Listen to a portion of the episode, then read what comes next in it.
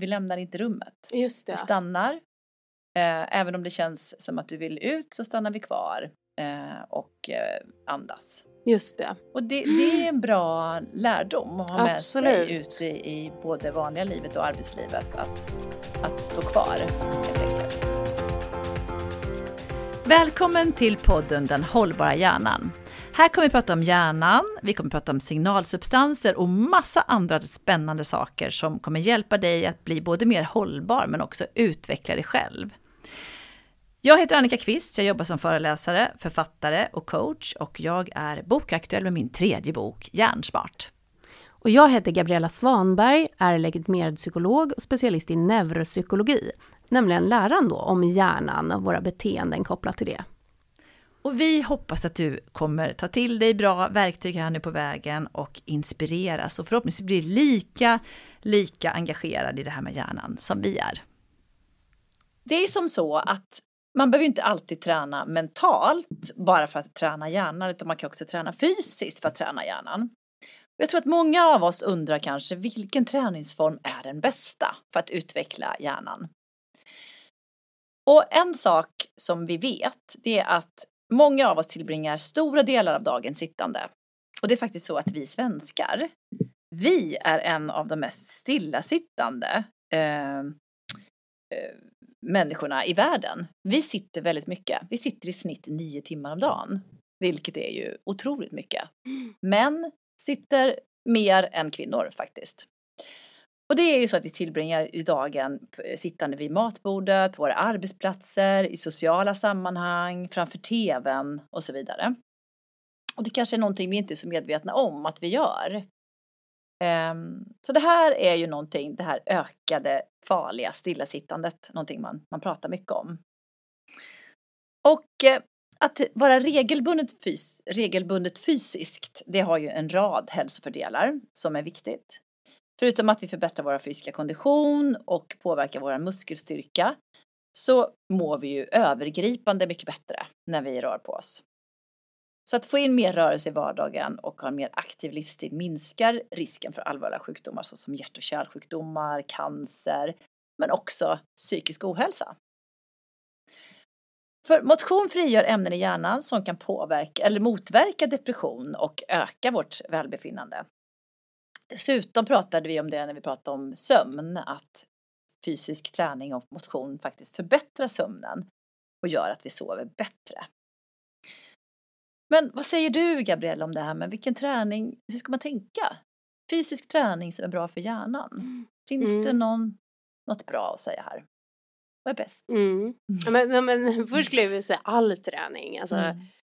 Ehm, För det finns ju, det är så många fördelar. Eh, Inte bara för kroppen då utan också för hjärnan. Ehm, Så att rent allmänt så är bara det att vi eh, att vi faktiskt får ett eh, blodflöde och, och får ett blodflöde mer i huvudet även då gör ju att våra de här prefrontala områdena i hjärnan, hur vi tänker och hur våra exekutiva funktioner blir ju bättre. Mm. Vi får mer Ehm, syre upp i hjärnan. Ja, precis. Ja. Så den, den blir aktiv. Och ehm, det finns ju superspännande forskning också om, om att vi, vi till och med utökar antalet nervceller i hjärnan. Eh, vi får faktiskt en större hippocampus, minnescentra och, och delar. Vi får ett bättre minne, håller kvar Mm. eh, vårt minne bättre. Och, ehm, och, och jag menar, jag tänker stressen som är ett så stort problem i vårt samhälle med det här kortisolet som utsöndras. Det, när, när vi, vilken då träning vi än gör, så, så när vi är aktiva så ökar vi ju kortisolet, alltså stresshormonerna. Och det kan man ju tycka, oj det var lite konstigt, jag trodde man skulle bli lugn. Men, men faktum är att när vi, när vi gör en eh, aktivitet så stressar vi ju faktiskt vår kropp.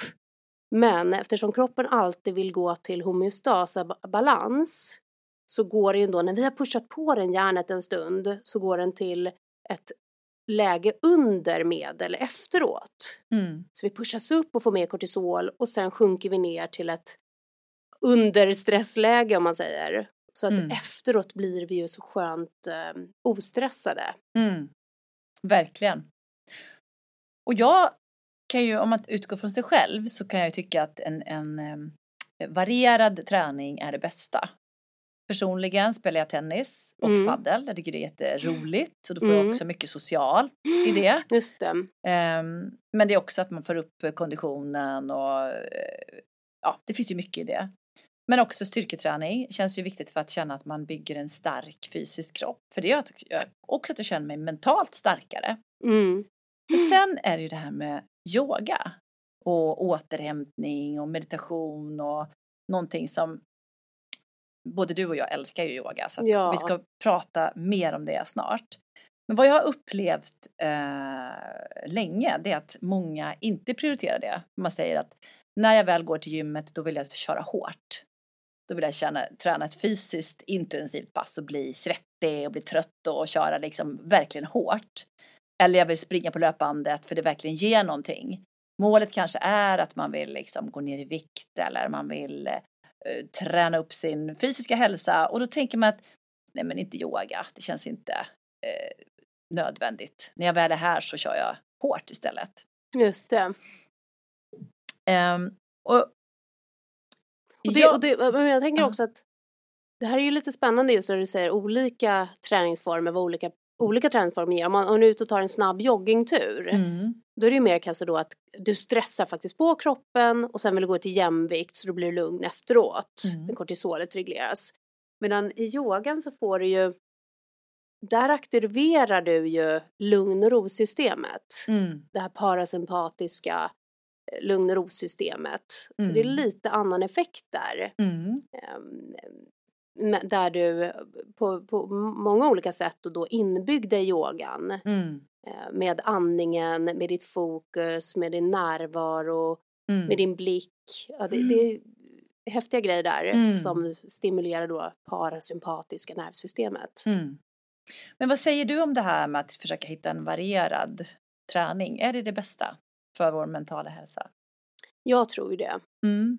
Ehm, just för att vi behöver olika bitar. Mm. Vi behöver någonting som aktiverar oss um, och ger det här blodflödet ordentligt och, och utmanar muskler, får dem att växa, mm. reglerar blodsockernivån bra och, och varje bit, mm. varje del har sin lilla, um, sitt lilla syfte. Mm. Men, men jag tror faktiskt att vi ska inte underskatta yogan och de lugnare formerna um, och för mig så är yoga mest faktiskt för det mentala. Mm.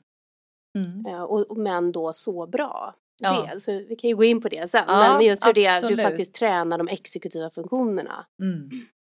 Och jag tänker om man tittar på Folkhälsomyndigheterna så säger de ju det här och det här tror jag inte kanske är så nytt för er som lyssnar men eh, ett, att bryta eh, det farliga stillasittandet i och med att vi har en livsstil som gör att vi sitter alldeles för mycket. Våra förfäder, våra jägare och samlare, de tog mellan 16 till 18 000 steg. Och idag tror jag att vi i snitt tar mellan 5 till 6 000 steg. Och då får vi ju nästan ibland anstränga oss. Mm. Om man jobbar hemma eller att man sitter på ett kontor.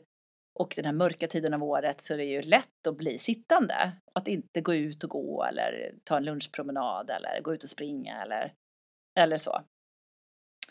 Och tillbaka till Folkhälsomyndigheterna så säger de ju att då minska det farliga stillasittandet och att man varje typ halvtimme ska resa sig upp och göra någon form av rörelse, fysisk rörelse. Sen säger de också att man ska ha regelbunden fysisk aktivitet, det vill säga röra sig ungefär 30 minuter om dagen, någon form av då snabb promenad eller eh, långsammare löptur eller så. Eller halvera den tiden, 15 minuter om dagen med lite hög pulshöjande fysisk aktivitet. Mm.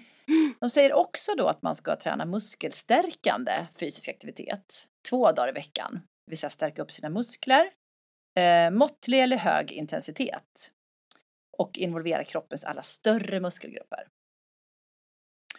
Eh, och sen säger de när man är lite äldre så är balans viktigt också. Också mycket för hjärnan, den mentala träningen. Så att de inkluderar både fysiska och mentala fördelar av den här träningen. Just det. Så de säger ju också att den här liksom, eh, mixen. varierande mixen, precis. De har inte uttryckt specifikt yogan eh, ju, men då kommer vi in på det spännande området kring vad som ganska nyligen har kommit fram då. Jag tog del av den här forskningen som är eh, gjord i en European Review Activity forskning som visar att yogaträning har en positiv effekt på hjärnans kognitiva förmågor, precis det du var inne på. Hos eh, äldre individer säger de plus 55, men här skulle vi vilja säga att det är för alla. Absolut. Egentligen. Och att yoga kan förebygga demenssjukdomar effektivare än kondition styrketräning. Även om såklart de här två sistnämnda också behövs. Det vill vi ju inte säga något annat om utan att de är viktiga. Dr. Peter Blomstrand var en av de ledande forskarna i den här forskningen och han blev själv överraskad när han fick resultatet och sa att om yogan vore en tablett så skulle vi överväga att skriva ut den till många. Mm. Det är ju mm. faktiskt häftigt. Och eh, en möjlig förklaring till yogans positiva effekter enligt den här studien då, eller forskningen, är att det är den här unika kombinationen av fysiska övningar i kontroll av andningen. Man andas ju i takt med sina mm. rörelser och så. Och att den här kombinationen påverkar nervsystemet och ger en lugnande effekt på blodtrycket och pulsen. Och det i sin tur hjälper till att hantera och motverka stress, vilket förbättrar vår uppmärksamhet och minne och andra kognitiva funktioner. Just det. Och nu, jag tänker, nu har man ju också lagt till det här med ögonfokuset eh, som en tredje parameter. Att, att förstå hur mm. vi rör vår kropp och i takt med vår andning. Men också, eller två nya saker som jag tycker är spännande. Dels är det här med ögonfokuset. Mm. Att, att när vi eh, är lite, när vi är väldigt stressade och målinriktade då, då spetsar ju vi vårt fokus. Medan när vi då är, har vidvinkelseende, eh, panorama vision eller vad man ska mm. säga, så, så blir vi avslappnade. Mm. Eh, men men ja, det, det, finns helt enkelt olika lägen som vi kan reglera synfältet med och, eh, och det påverkar vårt nervsystem. Det finns också ett, ett, ett, ett litet mellanläge som, är, som man menar på att man får i yogan mm. som är både fokuserat och avslappnat. Mm. Som är riktigt, och, det, och jag kan faktiskt känna igen det där när jag tänker på bikram yoga eller något, att det finns mm. något kan nästan ana mm. det där läget. Man, man har en punkt att titta på men samtidigt ska du slappna av. Mm. Och det blir, det där är något lite magic i, i det mm. ögonfokuset. Så det är något man faktiskt forskar rätt mycket kring. Ehm, Håller med. Att man känner se vad det, det gör med ditt eh, nervsystem. Jag kommer ihåg när jag, efter vi hade fått vårt andra barn, så var det som ett kall som kom till mig. Jag, vi bodde inne i Stockholms, centrala Stockholm och jag, jag, kände, jag gick förbi varje dag med barnvagnen en yogastudio. Mm. En, faktiskt en Bikram yogastudio. Och kände bara, jag måste börja yoga. Jag hade aldrig yogat i hela mitt liv. Men jag ville göra det för att jag ville bygga upp min inre muskulatur. Kände mm. mina magmuskler var bort, som bortblåsta. Och jag behövde liksom börja bygga styrka.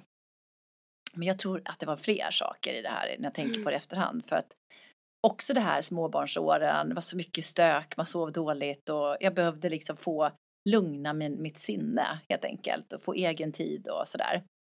Så jag knackade på där mm. och fick då höra att det var för tidigt än efter förlossningen, jag tvungen att vänta några veckor. Jag gick och räknade ner dagarna mm. för att börja yoga. Och sen när jag väl började på den här bikramyogan så var jag helt såld. Oh. Av jag vet inte varför. Och, och gick dit och bara så såg fram emot att gå dit och stå då i en och en halv timme och bara se sig själv i spegeln, göra samma rörelse varje gång. Det var så lugnande, meditativt och, och helt fantastiskt egentligen. Och jag, nu, jag delar verkligen den. Eller hur? Jag delar ju den yoga. Eh, känslan ja. att eh, är det, är det någonting jag någon gång i mitt liv blivit hooked på så är det mm. det. Mm. Så det, det, och jag har faktiskt undrat också, vad var det, vad är det med det? Ja. Alltså det är något, det är något speciellt. ja, du kan fortsätta, förlåt, jag avbröt Nej, men... absolut inte. Och för jag, jag, tycker det är häftigt. Då kunde man kanske inte riktigt konkret ta på vad det var. Men sen kände jag när jag fortsatte då, när barnen blev lite större och jag gick dit lite mer sällan, jag gick tillbaka och jobba och sådär, så kunde jag gå dit för att få bra idéer. inte det häftigt? Så jag gick in med massa så här fullproppad hjärna med massa frågeställningar direkt från jobbet. Körde ett yogapass på en och en halv timme och under passets gång så mm. kom svaren till mig. Det var ju så här perfekt signalsubstansläge där tror jag. Ja. Eh, säkerligen. Så jag var tvungen att skynda mig ut, ta min telefon, vilket man egentligen inte ska göra, men det gjorde jag. Och skrev ner. För sen var det, glömde bort det igen. Det är ju någonting Nej, men jag tror också med du är yogan. inne på att det är något, det är något med det perfekta just signalsubstansläge. Mm. Signalsubstansläge. Mm. Eh, det, det är både en, en härlig kombination av fokus, avslappning, utmaning, eh, acceptans. Det, det är många ing- ingredienser i det här. Mm.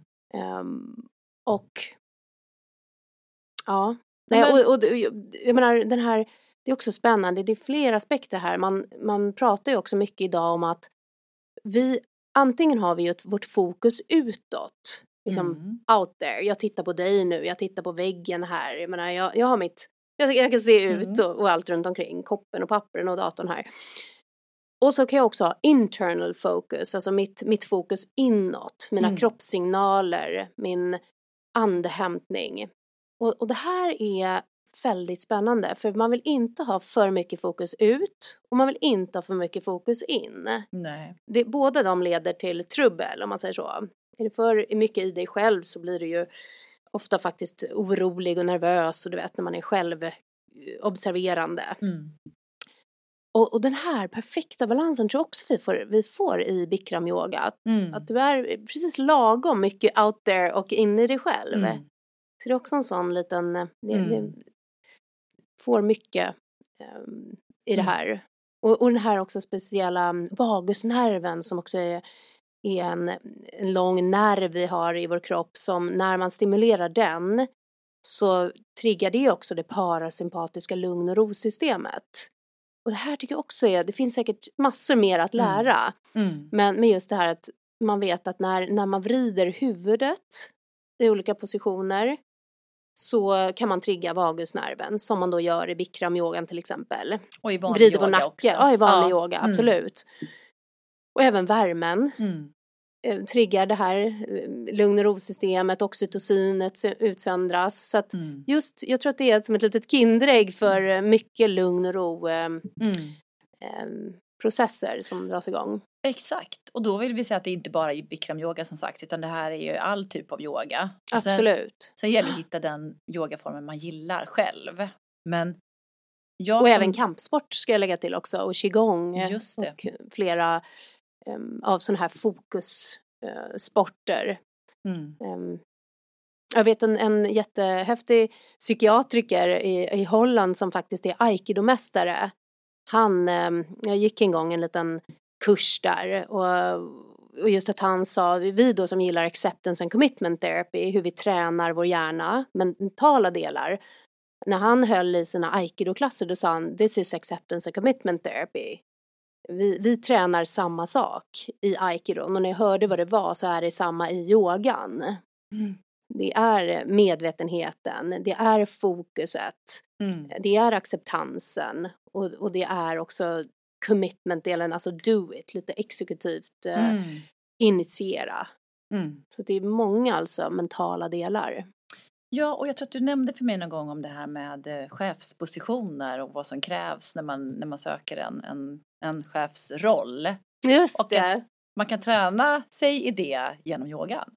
Ja men just just nu kommer jag ihåg när vi pratade om den där exekutiva funktionen. Ja. Det är ju ofta sådana tester när man ska göra, liksom när du ska träna, eller du, vi ska testa dina exekutiva funktioner. Det är ju Mm. de smart-funktionerna av hjärnan i prefrontala cortex.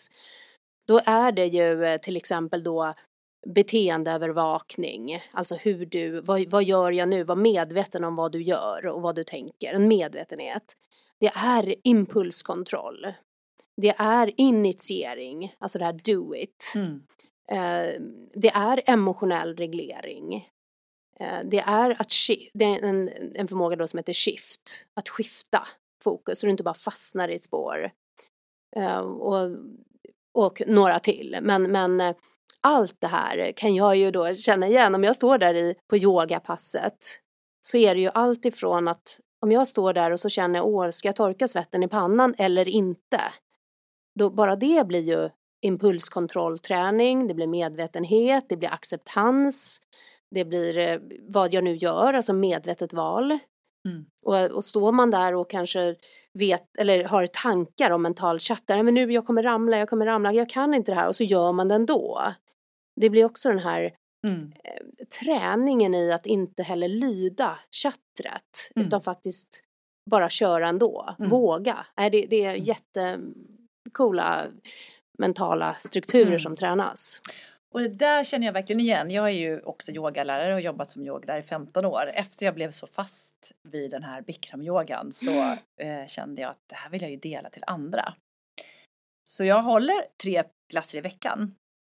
Och precis det du beskriver nu var jag faktiskt med om i ett pass som jag höll igår. Mm. Då var det en eh, deltagare som jag såg på honom, det var en man i kanske 50-årsåldern. Han var på väg ut därifrån. Han Ah. hade jättesvårt att eh, följa passet och rastlös och så vidare. Och sen kom han fram efteråt och sa att jag vet inte vad som hände idag men jag hade jag, liksom, jag ville bara flyktbeteende, jag ville ut, jag ville inte vara kvar. Och då befinner han sig i en, en period, väldigt stressfull period eh, på jobbet och så vidare. Och det, det slog mig då att yogan är ett så konkret exempel eller konkret, det skapar en känsla att du förstår vart du befinner dig. Ja. Och, och han var ju kvar. Så han, han var kvar och han var väldigt nöjd för att han inte hade stuckit ut och, och bara försvann iväg utan att han faktiskt höll sig kvar där inne. Just Just det här självkontrollen och reglera sina känslor. Och jag, och jag brukar säga att det är på väldigt få ställen som du möter dig själv på ett så bra sätt som på mattan. För Håller verkligen med. det, det man har inte den tiden eller tid för reflektion på det sättet någon annanstans. Och, och det finns ju också, tänker jag, specifik yoga för eh, hantering av komma över trauman.